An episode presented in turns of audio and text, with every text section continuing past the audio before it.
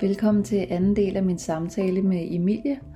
Her tager vi den videre ind i det spirituelle verden, og Emilie fortæller om hendes egen oplevelse med det spirituelle, hendes egen jordrystelse eller blomstring.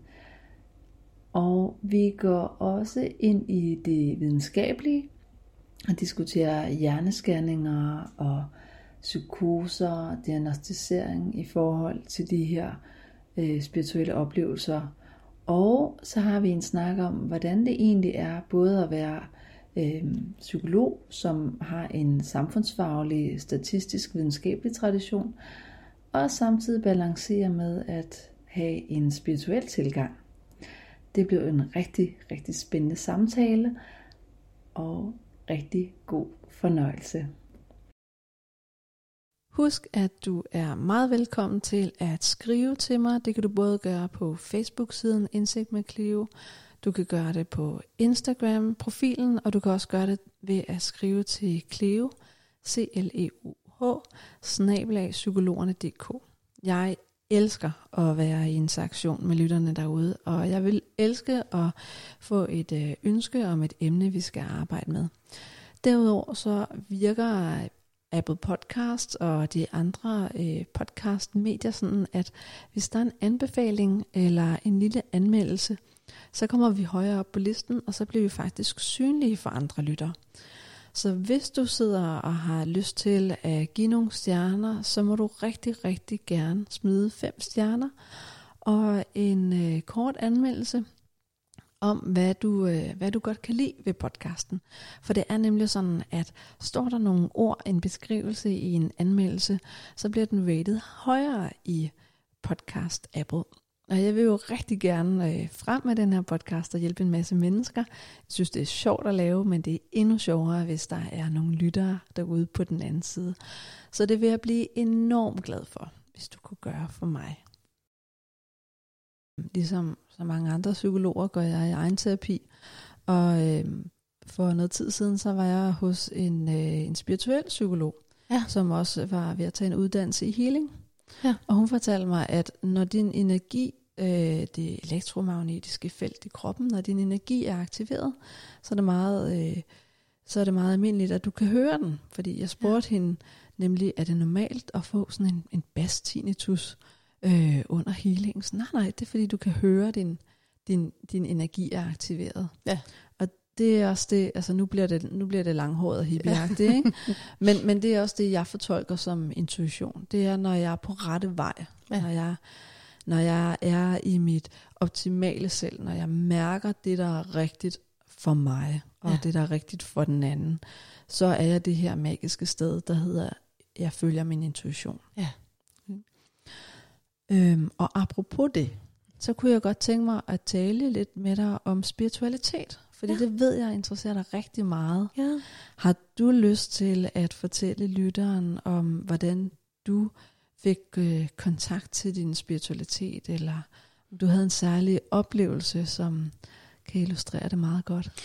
Ja, altså og det, det er jo igen også noget, som, som, kan være, som kan være svært at sætte ord på. Jeg, jeg skal gøre mit bedste altså i virkeligheden, når jeg ser tilbage på det, er det noget, der har fulgt mig længe. Altså siden jeg var helt ung, i virkeligheden begyndte jeg at, at interessere mig for, øhm, hvad kan man sige, at der, at der er mere i, i den her verden, end hvad vi kan fornemme med vores fem sanser, og, og, og det, vi, det vi oplever med vores kognition, så at sige. Ikke? Øhm, altså jeg kan i virkeligheden huske, at det der gik forud for, det var, at jeg, jamen jeg, har været, ja, jeg har været 16 år, jeg gik i gymnasiet på det tidspunkt, og jeg kan huske, at jeg havde sådan en periode, hvor jeg, jeg var ikke deprimeret, men jeg kan huske, at jeg egentlig i længere tid gik og var, jeg var trist over, øh, over verdens tilstand, øh, simpelthen. Og, øh, og det her var jo før, der var så meget fokus på, på klimaforandringer, som der er i dag, men det var, det var den her oplevelse af, jamen hvad er egentlig hvad er egentlig meningen, ja, hvad er meningen med tilværelsen? Øh, hvad er meningen med at være menneske? Og hvad er meningen med, at vi lever på den her planet, hvor, øh, hvor vi er godt i gang med at ødelægge øh, alt liv på planeten øh, for øh, planter og dyreliv og for os selv? Øh, og jeg, altså jeg, jeg havde virkelig den her oplevelse af, at menneskeheden er en fejl. øh, fordi, vi, fordi vi udplyndrer planeten, øh, og vi lever ikke i overensstemmelse med den. Og hvis menneskeheden er en fejl, jamen så er jeg jo også en fejl, fordi oh, jeg er et menneske. Oh, her, jeg er bare det, en bakterie. ja, jamen, og det, det, det var faktisk meget som, hvis man har set The Matrix, den oprindelige mm. Matrix-film, som Agent Smith siger til Morpheus på et tidspunkt, at sammenligner menneskeheden med en virus. Altså at, at vi ikke lever i overensstemmelse med det, de omgivelser, vi er i, men at vi egentlig bare formerer os og udplynder ressourcerne, og så, og så flytter vi videre til et nyt sted og gør det samme. Øh, og øh, og det, det, var, det var egentlig meget sådan, jeg havde det der i den periode som teenager, og, og jeg var ikke deprimeret, men det var, det var noget, der fyldte en, en hel del i min tænkning. Øhm, og så der, der var faktisk to forskellige oplevelser, der, som fulgte hinanden sådan med kort tids mellemrum. Og jeg kan ikke huske sådan de præcise omstændigheder. Jeg kan bare huske, at øh, jeg sad på bagsædet af min forældres bil, og vi havde været et sted henne, øh, var på vej hjem. Det var en længere køretur. Øh, jeg tror altså, at min, øh, min lille søster var i bilen. Vi sad på bagsædet der. Øhm, og jeg sad, jeg, og jeg tror, jeg havde de her tanker kørende. Altså sådan netop det her med, hvad er egentlig meningen med det hele, og, og, og, og hvor er det egentlig bare skidt at være et menneske.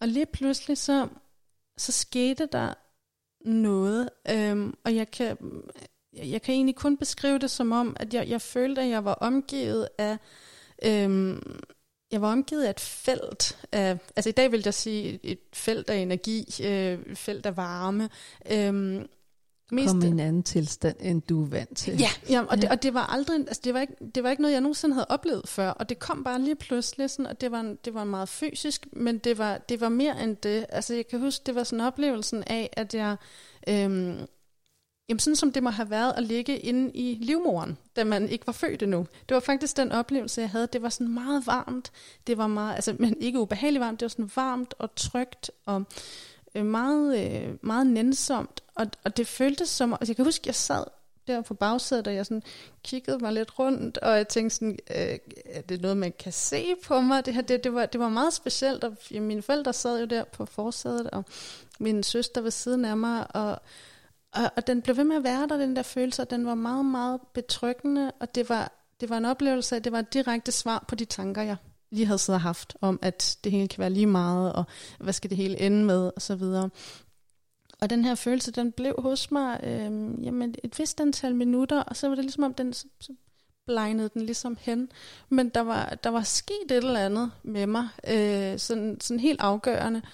Øh, og det, der var så mærkeligt ved det, det var, at jeg havde, jeg havde aldrig haft sådan en oplevelse før, og alligevel så føltes den meget velkendt. Mm.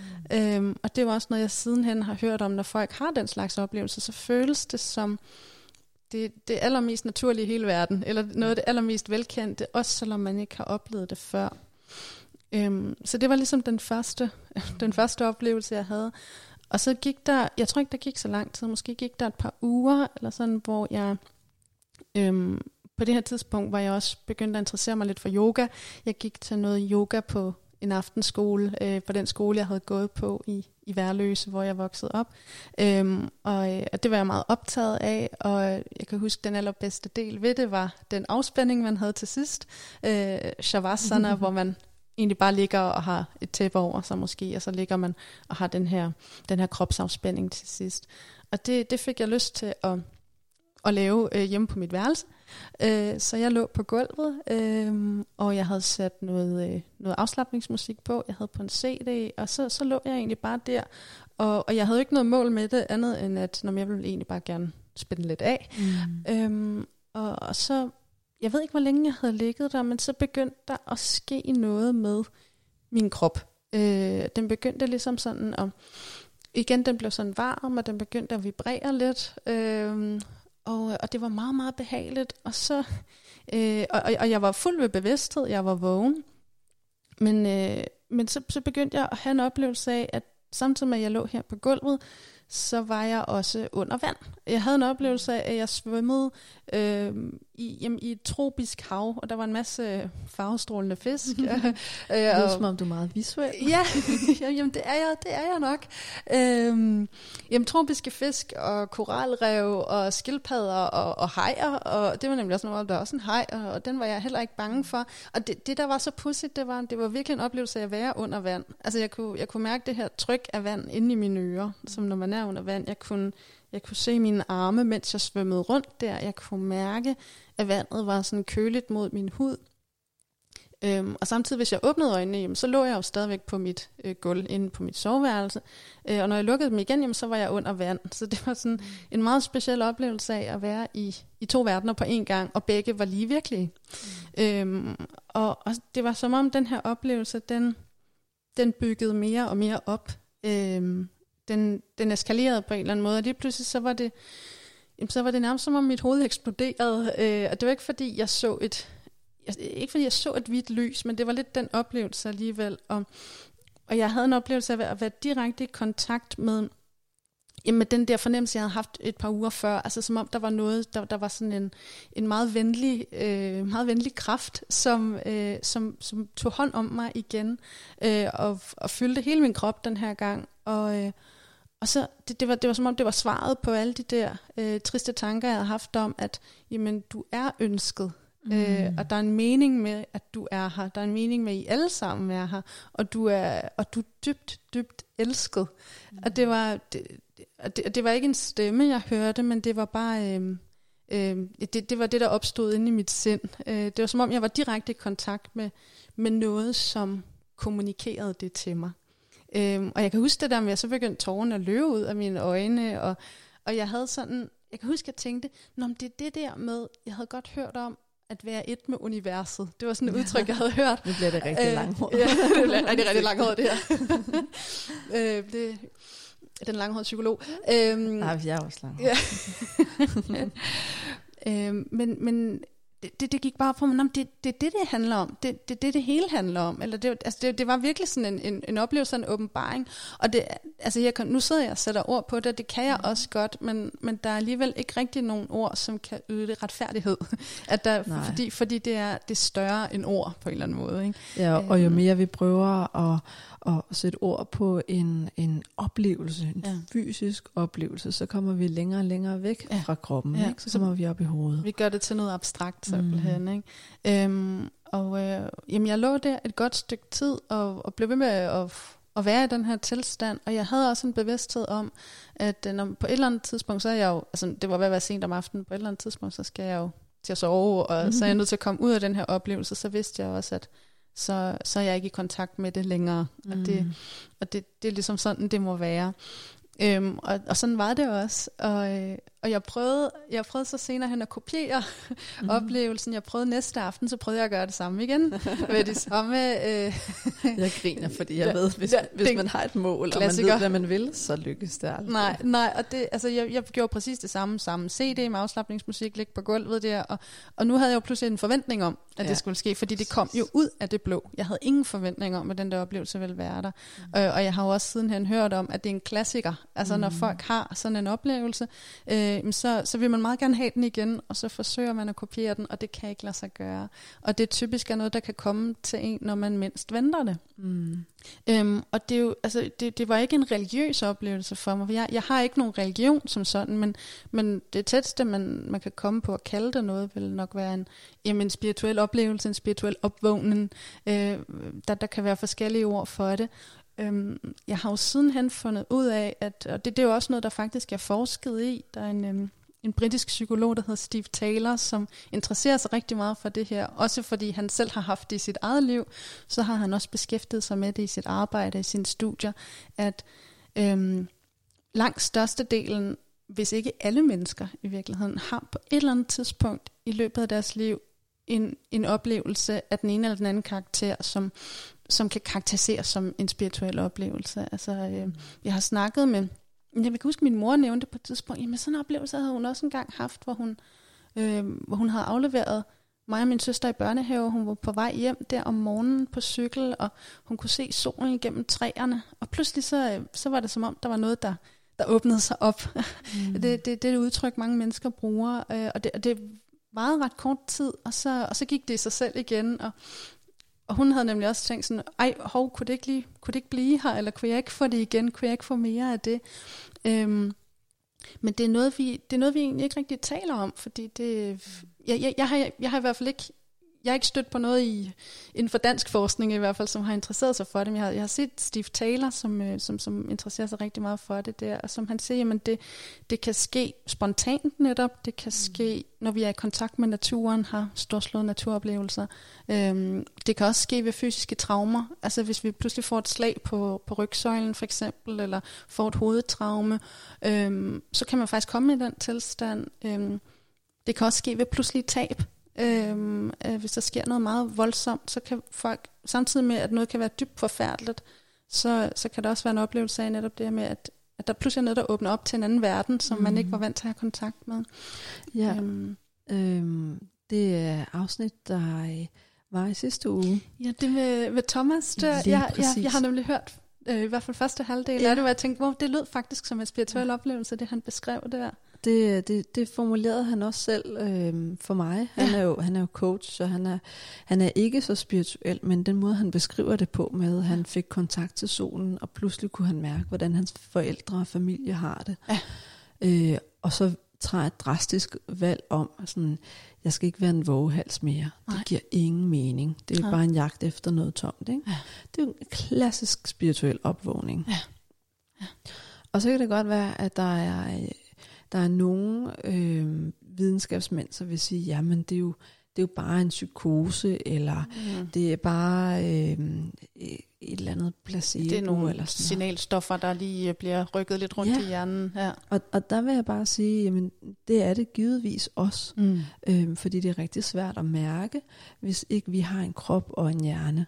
Og, og når, man, når man er i psykose, Altså måden antipsykotisk medicin virker på, er at skrue ned for, for sanseapparatet, fordi at når man, når man er i psykose, så sanser man for meget, ja. kan man sige. Ikke? Øh, man, er, man er sansesart i forvejen, og man sanser lys, lyde, ting, som ikke er der. Men, men grund til, at det føles som virkelig, er det fordi, det går ind i hjernen, og det er en, en form for sansning. Ja. Øhm, så så jeg, jeg vil bare sige, jamen det givetvis er hjernen, øh, den skyder en, en masse øh, sensoriske signaler og en masse lykkehormoner, men det betyder jo ikke, at det er en psykose, Nej. bare fordi det er det samme, der sker i hjernen. Nej. Øh, og jeg hørte dig også sige, at du kunne faktisk godt lukke ned for det her, da du skulle sove. Og den anden ting er, at du kunne ikke selv fremtvinge det igen. Nej. Nej, så, så på den måde får jeg en fornemmelse af, at det her det er det er øh, et skridt meget tæt på din intuition og dit ja. kernesel. Ikke? Ja. Øhm, buddhisterne vil sige, at du fik et øjebliks fornemmelse af, hvordan det føles at være i erkendelsen. Ja. Og apropos det, så er der jo lavet hjerneforskning, øh, hvor man har hvor man har scannet øh, hjerner på øh, øh, erkendte lama eller oplyste lama og munke, ja. øh, og så bede dem om at sige, nu nu må du gerne gå ind i den erkendte tilstand, og så vil vi undersøge, hvad der sker i din hjerne. Ja. Og der kan man også se, at, øh, at strålingen er enormt rolig, den er enormt jævn. Det er det, man kalder for gammastråling. Ja, det er den præcis. tilstand, vi er i, når vi mediterer, eller når ja. vi sover meget dybt. Øh, samtidig med, at øh, lykkehormonerne, oxytocin og så videre, det skyder derud af. Det, ja. det kan man måle i deres blod samtidig. Ikke? Ja. Så, så alle de her næstekærlige centre, de, de, øh, de er meget aktive, samtidig med at hjernen er meget rolig. Ja. Så, så, så ja, det er faktisk noget, man kan undersøge videnskabeligt også. Ja. Og det du fortæller mig, jamen så går vi jo ind og, og respekterer det oplevelsesorienterede. Ja, ikke? Det at det er din tolkning, det er din oplevelse, og det skal vi huske på. Specielt også, når vi arbejder med klienter. Ikke? Ja. Ikke at, at dømme eller vurdere, hvad det er, de oplever. Ikke at øh, putte hypoteser ned over hovedet på dem, men måske lige spørge venligt om lov først og så videre. Ja. Og det tænker jeg, der, der kommer vi igen ind til intuition. Ikke? Det er den her fornemmelse af, hvad skal jeg gøre lige nu? Hvad har klienten brug for? Ja. Og der kan også være rigtig meget omkring timing. Altså jeg, jeg synes nogle gange, jeg har oplevet det her med noget som, noget, som kan være rigtig vigtigt at påpege eller gøre opmærksom på, som kan være sårbart øh, for klienten. Øh, men hvor jeg helt tydeligt har haft en oplevelse af, at det er nu, jeg skal sige det. Det, det, det er nu, mm. der er et vindue, der er åbent. Øh, og, og det har aldrig slået fejl. Altså, og, og nogle gange så kan jeg være sådan lidt, netop hvis, hvis det kan være sårbart at have med at gøre, så, uh, så, så, så kan vi et rationelle tænkning sige, åh, det, er det nu en god idé? Er det nu? Og, og jeg er slet ikke i tvivl i forhold til, hvad min intuition fortæller mig. Og så, Mm. så rammer timingen altid plet. Altså jeg, jeg vil sige, det det at have sin intuition med i, i terapi er, er uundværligt for mig, men jeg tror, det er noget, vi alle sammen benytter os af i en eller anden grad. Mm. Øh, nogle måske mere end andre, så jeg tror, jeg gør det i ret høj grad. Øhm, men, men det er også en, det, det er så vigtig en del af det at være behandler i det hele taget, fordi ja. vi er, altså vi kan det, det har helt klart sin plads, det at man kan bruge en bestemt metode, og, det, og, og at vi har teorien bag det, vi ved, hvorfor gør vi det, vi gør, osv. Det er jo en rigtig vigtig del af det. Men jeg tænker, at det kan heller ikke stå 100% alene. Nej. Altså det, at vi, at vi har os selv med som mennesker, og vi har vores intuitive fornemmelse med af, okay, hvor, hvor er klienten lige nu, og, øh, og hvad, hvad, hvad rører der sig, og, og hvad skal mit næste skridt være? Ja, det er det, vi gerne skulle være trænet til. Ja. Jeg snakkede med, øh, med en, en kollega på et tidspunkt, øh, jeg tror det var Michelle Miller, øh, hvor hun sagde noget, eller jamen, den her fornemmelse af stemninger, Ja. den har vi jo med som psykologer. Ja. Og, og det er ikke alle psykologer, der faktisk har den. Nej. Øhm, jeg hører igen og igen fra klienter, der, der takker mig for sådan, Gud, jeg kan virkelig mærke, at du forstår mig. Ja. Jeg kan virkelig mærke, at du lytter til mig. Ja. Og jeg hører igen og igen fra veninder, at de fortæller, at det var en-to gange hos en psykolog. Og når jeg spørger dem, hvorfor de ikke fortsatte, så er det typisk, fordi de kunne ikke mærke, der var en kemi. Nej. Ikke? Igen den her intuition eller, eller mangel på samme fra psykologens side. Ikke? Ja. At, at psykologen har, øh, har ikke lyttet åbent og nysgerrigt eller nærværende nok. Øhm, så det kan jo også være en, en, en god pejlemærke på, sådan hvis, hvis man ikke føler, at man, man føler sig forstået, eller at den anden er nysgerrig, så er det faktisk også helt okay at skifte. Ja. Fordi at, øh, at det er jo ens intuition, der taler her. ja.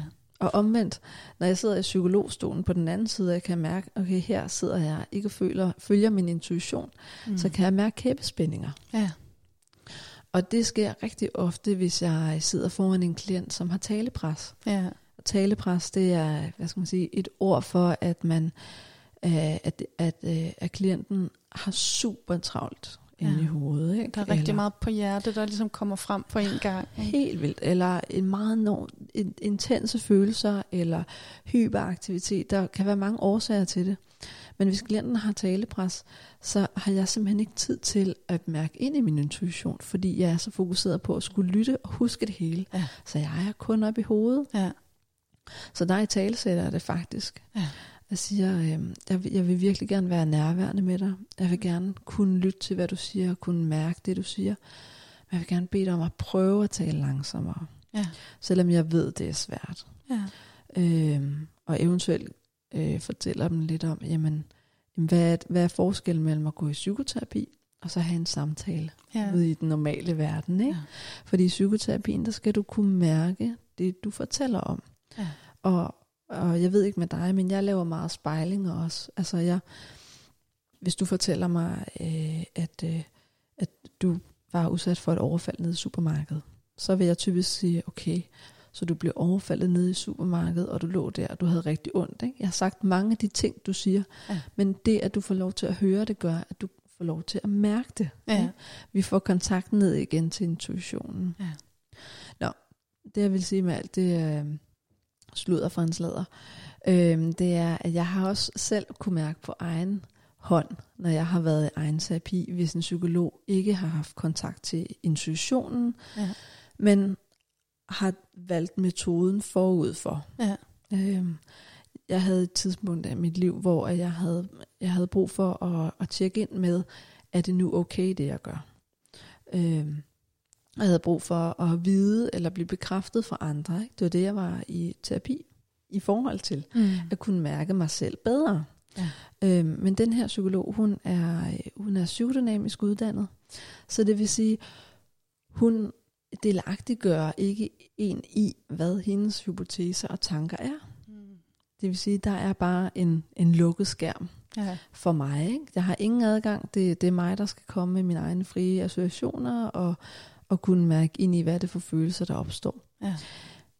Men på grund af min problemstilling, så var det jo enormt angstprovokerende. Ja, det er klart. Fordi jeg sad Uh, og talte til en, en lukket dør. ja, ikke? det var simpelthen bare en mur, du, du der mødte. var en mur, og, ja. øh, og jeg spurgte hende også flere gange, jamen sådan, når du, når du hører mig tale nu her, hvad, hvilken fornemmelse får du, hvilken intuition, hvad siger din intuition der, eller hvilke hypoteser laver du? Jamen, så brugte hun metodens argumentation og sagde, hvis jeg fortalte dig det, så vil det være grænseoverskridende. Jeg skal ikke fortælle dig, hvordan du har det. Mm. Det er jo det, man siger inden for det psykodynamiske. Ja. Og respekt for det. Men jeg vil våge påstå, hvis hun havde lyttet mere til sin intuition, Ja. og hvis hun havde mærket, hvor jeg var, ikke? jeg står der og, og vifter med armene og siger sådan, hvad tænker du om det her? Ja. Så havde hun måske haft en, øh, en, en fornemmelse for, at her skal jeg lige gradbøje metoden, fordi her sidder der et menneske, der har brug for noget bestemt. Ja. Øhm, eller spørge ind til, hvordan det føles for mig, når jeg ikke får det, som jeg vil have det. Ikke? Ja. Fordi så kan vi undersøge det sammen. Øhm, så jeg, jeg kender det godt, og jeg synes, at intuition, selvom det er et meget fluffy begreb, så er det sindssygt centralt ja. I psykoterapien ja. generelt. Absolut. Og det er noget, vi psykologer sjældent taler om, Ja, netop. oplever jeg også. Ja.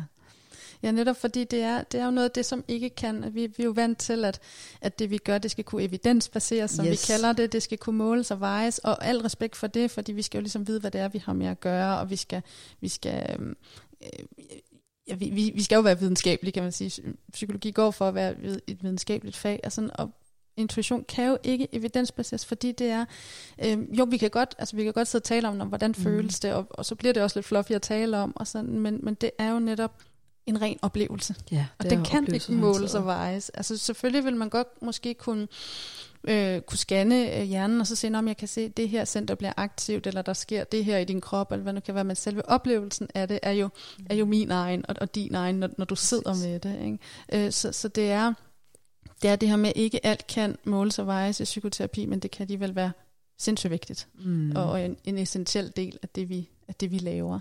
Ja, og hjernescanninger kommer til kort her, fordi det eneste, vi kan se med hjernescanninger, det er, hvor bliver hvad aktiveret. Ja, lige præcis. Men, men, men det giver os ikke svar på, hvorfor det bliver aktiveret, Nej. eller hvad der blev oplevet. Nej, netop. Også det, du, du talte med, øhm, med Thomas om, øh, netop det her med, det, det allervigtigste, eller det han selv nævnte, det her med, hvis, hvis kemien er der, hvis alliancen er der mellem, mellem øh, terapeut, mellem psykolog og klient, jamen så er man, så er man nået et rigtig godt stykke, om ikke Ja. andet. At den, den er bare så essentiel, det at, at, øh, at klienten føler sig tryg i rummet, føler sig godt tilpas, øh, og kan, kan, kan, kan åbne sig over for psykologen. Fordi hvis den del ikke er der, jamen så, så kan, jo, man kan måske godt komme et stykke, men jeg vil våge påstå, at så, så falder alt andet i sidste ende til jorden. Mm. Det er fællesfaktorteorien. Det er også det her med, at, at øhm, for at noget terapi er vellykket, så er det vigtigste, det er alliancen. Og det næstvigtigste, eller det der er fælles, øh, fællesfaktoren for mange psykologer, det er ens sociale intelligens og empati, Ja. og man kan mærke den anden. Ja. Og så er, det jo, så er metoden netop sekundær, fordi så bruger vi bare metoden til at fintune den evne, vi i forvejen har. Ja, lige præcis. Og det er der, hvor vi bevæger os længere væk fra det videnskabelige, det målbare, det vi snakker oftest om, øh, og hen over i, i intuitionen og den der evne, som ret, er ret svær at beskrive. Ja. det, det må man sige, det er. Og det er der, hvor vi også skal passe på, at, at det ikke lyder for hippieagtigt eller Ja. for langhåret. Ja. Nok netop, fordi vi kommer fra en kultur og en historie, hvor alt skal kunne rationaliseres. Ja. Ikke?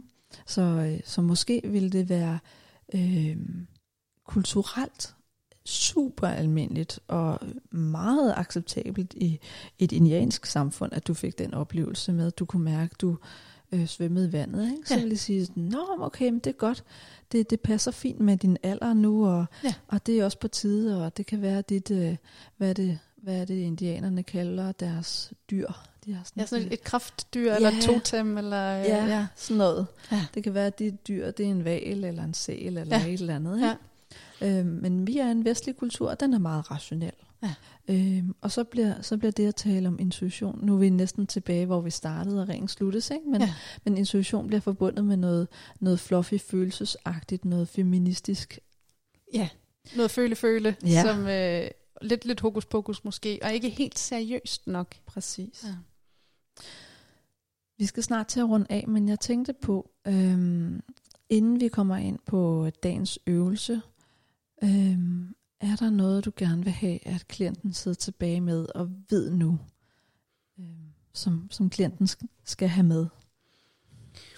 Øhm, altså jeg vil egentlig sige, hvis man, hvis man godt vil øh, blive lidt, lidt klogere på sin egen intuition, mm. eller sådan noget, hvordan, hvordan er det, jeg skal mærke det? Hvordan ved jeg, hvad det er? Så, så prøv at tænke tilbage på, jamen, hvornår, hvornår har du sidst haft en oplevelse, øh, hvor, hvor intuitionen talte til dig, og hvor du, hvor du kom til at overrule den, eller hvor du ikke fulgte, hvad den sagde.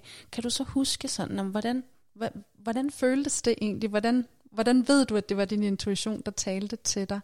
Mm. Øhm, altså et, og et, et, et godt eksempel kan jo også være det, som, som vi også talte om, før vi gik i gang med, med selve optagelsen her, det her med, jamen vi, vi oplever typisk, når vi møder et menneske, et andet menneske for første gang, så har vi lynhurtigt en, en intuitiv fornemmelse af, okay, hvordan har jeg det med den her person? Mm. Ikke nødvendigvis om det her er en dårlig person, eller jeg kan ikke lide vedkommende, men mere måske en oplevelse af, jamen, er der egentlig god kemi her, eller er det her et godt match mellem to personer? Øhm, og den, den oplevelse har jeg også typisk selv, og, og så kan jeg hurtigt komme til at, um, at dømme mig selv for, at, at, at min reaktion måske er, at hmm, jeg føler mig ikke helt tilpas med det her menneske, eller sådan, så kan jeg hurtigt tænke, at giv nu lige vedkommende en chance, eller jeg lad nu være med, nok, nej, netop, og lad nu være med at være så dømmende, og, sådan, og, og typisk så har min, min intuitive fornemmelse altid ret, at der er bare ikke så god kemi her, og, og, det, og det er okay. Altså det er jo en helt mm. ærlig sag. Det betyder ikke, at, at så jeg er et dårligt menneske, eller den anden er et dårligt menneske.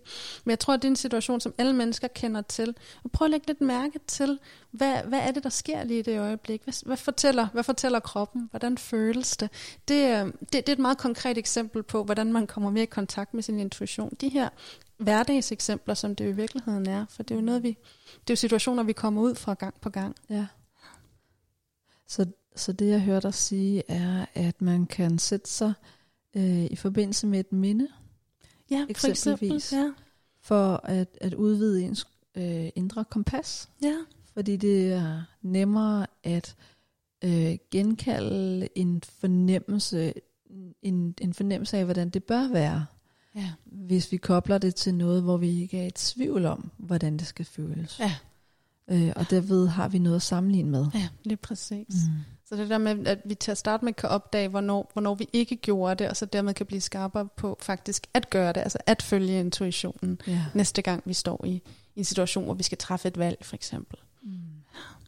Ja, det minder mig om, når, når jeg arbejder med, med stressklienter, det snakkede vi også om før i vores optagelse. Ja at, øh, at, at jeg kan, hvis klienten er interesseret i det, så kan jeg godt guide en meditation. Og så siger de ofte efterfølgende, Gud, det er mange, mange, mange måneder siden, at jeg har mærket, hvordan det føles at slappe af i min krop. Ja. Og være tilpas. Og ikke spænde op, ikke tænke tusind tanker på en gang, og ikke føle tusind følelser på en gang, men bare være. Ja. Og de fortæller, at sådan, jeg oplevede sådan en ro, at jeg havde lyst til at tage en lur, men jeg vidste godt, at uh, vi skulle til at runde sessionen af, så ja. det gik ikke. Men, men, men, men det at have noget at sammenligne med, ja. gør det meget nemmere at kunne kalde sig tilbage i den tilstand, tænker ja. jeg. Tænker ja. du ikke også det? Jo, absolut. Mm. Altså netop, jeg, jeg, og jeg kender jo udmærket det eksempel også, det der med, at folk pludselig kan mærke, hvor anspændte de rent faktisk er, eller hvor, hvor stakåndet de er, eller hvor høj pulsen faktisk er hele tiden, men fordi det er gået hen og blevet en normal tilstand, så, så er det slet ikke noget, man lægger mærke til. Mm. Øhm, så det der med at kunne, kunne mærke, hvad der ikke er det rigtige, før man så kan mærke, hvad er det rigtige egentlig. Mm. Nu kunne jeg godt tænke mig, at vi uh, taler om det, der nærer dig i din hverdag, den nærer en aktivitet. Så kommer vi ind på dagens anbefaling. Og bagefter øh, skal vi lige komme ind på dagens øvelse, som du har med i dag. Og jeg ved, at det er en øh, fantastisk guided meditation. Øh, så øh, du vil introducere meditationen, og så vil vi faktisk optage selve øvelsen, meditationen, i et separat lydklip. Ja. Fordi så kan lytteren øh, gå tilbage til, til din guidede meditation, uden at skulle spole i det her afsnit. Yes. Så til dig lytter derude, vi øh, introducerer dagens øvelse, og så kan du høre dagens øvelse, den guidede meditation, i dette afsnit del 2. Rigtig god fornøjelse. Nå, Emilie, vi er nået til vejs ende, og øh, for at lave vores dejlige kollektive liste over lystbetonede aktiviteter, der giver os energi og øh, løfter os op i hverdagen, især på de svære dage, så kunne jeg godt tænke mig at høre, hvad du har. Hvad nærer dig? Hvad har du af nærende aktiviteter for at være god mod dig selv? Ja, jeg, jeg nævnte allerede lidt af det i starten, da jeg præsenterede mig selv med alle mine mange hobbies, og sådan, for det er ting, jeg er rigtig glad for at, at lave, men det kræver også, at jeg har en vis mængde energi til rådighed på forhånd. Altså jeg vil egentlig sige, det er ting, jeg gør, uden at jeg egentlig tænker, at når, nu skal jeg nære mig selv. Det, det, det er ting, jeg gør, fordi jeg ikke kan lade være. Altså, når, nu har jeg lyst til at, nu har jeg lige lyst til at øve den her sang, eller nu har jeg lyst til at bage det her brød, hvad det nu måtte være. Men hvis jeg har en dag, hvor, hvor jeg er rigtig lav i energi, så, så det er ikke nødvendigvis kreativ, jeg skal være, eller så skal jeg ikke nødvendigvis være så meget i aktivitet. For min oplevelse er også, at det, det kræver energi at generere energi. Eller hvis, hvis, hvis du kører på lav blus, så, så kan det for mig i hvert fald så være drænende at lave en aktivitet i virkeligheden, mm-hmm. som normalt vil kunne give mig energi. Ja, så, det virker uoverskueligt, ja. og man begynder at evaluere sig selv, ja. at øve, jeg kan heller ikke finde ud af noget som ja. helst. Nej, og det er også bare for dårligt, nu har du tiden til det, så nu skal du også få lavet noget konstruktivt, eller nu skal du være produktivt. Altså, jeg tror, vi har meget den her tendens til, at der skal altid komme et produkt ud af det, vi laver, og det skal være, det skal være nyttigt. Øh, også når vi slapper af, så skal det være nyttig afslappning. Øhm, og det er ikke, fordi det ikke har sin plads, at vi kan mm. være kreative og lave noget nyttigt. Men jeg vil sige, hvis, hvis jeg er rigtig lav i energi, så tillader jeg faktisk også mig selv at være inaktiv. Jeg ja. tillader mig selv at stene. Øhm, og det er noget, der godt kan være sådan lidt tabubelagt. Eller jeg, jeg hører også klienter nogle gange sige det her med, at det, så har jeg bare haft sådan en dag, hvor jeg, hvor jeg så Netflix, og, ej, og ja. jeg følte mig bare, altså, ej, så hvor følte jeg, mig, jeg følte mig så skidt tilpas, og jeg var bare sådan lidt, ved du hvad, det lyder da virkelig dejligt, at du gjorde det, eller jeg, og jeg håber, at det var noget rart, du så på Netflix, eller altså det der med, at, at det er også at lytte til kroppen. Altså det er mm. også at lytte til, jamen, hvor meget, hvor meget energi har jeg på, på batteriet lige nu. Øhm, og, og hvis kroppen siger, at jamen, jeg har egentlig brug for at, at ligge lidt ned og kigge ud i luften, eller jeg har brug for at tage en lur, altså hvad der nu kan lade sig gøre i ens liv selvfølgelig. Jeg har meget, meget tid til rådighed, så jeg har mulighed for at stene. Øhm, men jeg tillader også mig selv at gøre det. Altså netop tage en lur, eller se Netflix, eller... Øh, øh, spille spil på min telefon. Mm. det gør jeg altså også en gang imellem. Altså, så kan man sige, det er jo, altså, hvis, hvis man begynder at gøre det hele dagen, rigtig mange dage træk, så kan man, skal man måske overveje, hmm, hvorfor er jeg så lav i energi, eller er der et eller andet, jeg lige skal tage hånd om her. Men hvis man har en dag, hvor, hvor man er lav i energi, så er det i min optik helt okay at stene. Mm og tillade sig selv at gøre det, være bevidst om, at det er det, man gør, fordi nu har jeg faktisk brug for at restituere. Ja. Det synes jeg er en rigtig vigtig værdi, faktisk. Så jeg hører, at det du anbefaler er faktisk at have en dejlig god stenerdag. Ja. Eller en tulledag, eller ja. hvad vi kan kalde Lige det. Lige præcis, hvis man har muligheden for det, og man kan mærke, at oh, jeg kører, jeg kører altså lidt på lav plus i dag. Mm. Så i stedet for at, at føle sig skidt tilpas over det, og føle sig skamfuld over, at jeg ikke har været aktiv, så egentlig mere se det som, wow, jeg, jeg lytter egentlig til, hvad, hvad min krop har brug for. Lige præcis. Det, og det er rigtig fint at gøre. Det er jeg rigtig glad for, at du siger, fordi at også øh, mange af de andre gæster, jeg har haft på besøg i mit terapilokale, de har anbefalet sådan noget som at løbe ture, mm. eller øh, være sociale, ringe til en veninde og snakke med hende, men det kræver, at man har lysten og energien til det. Ja, lige præcis. Og nogle gange, så har vi kun den energi, der hedder, jeg skal bare ligge på en sofa, ja. og så skal jeg se en dum serie, ja. og jeg skal bare nyde det. Ja. Altså.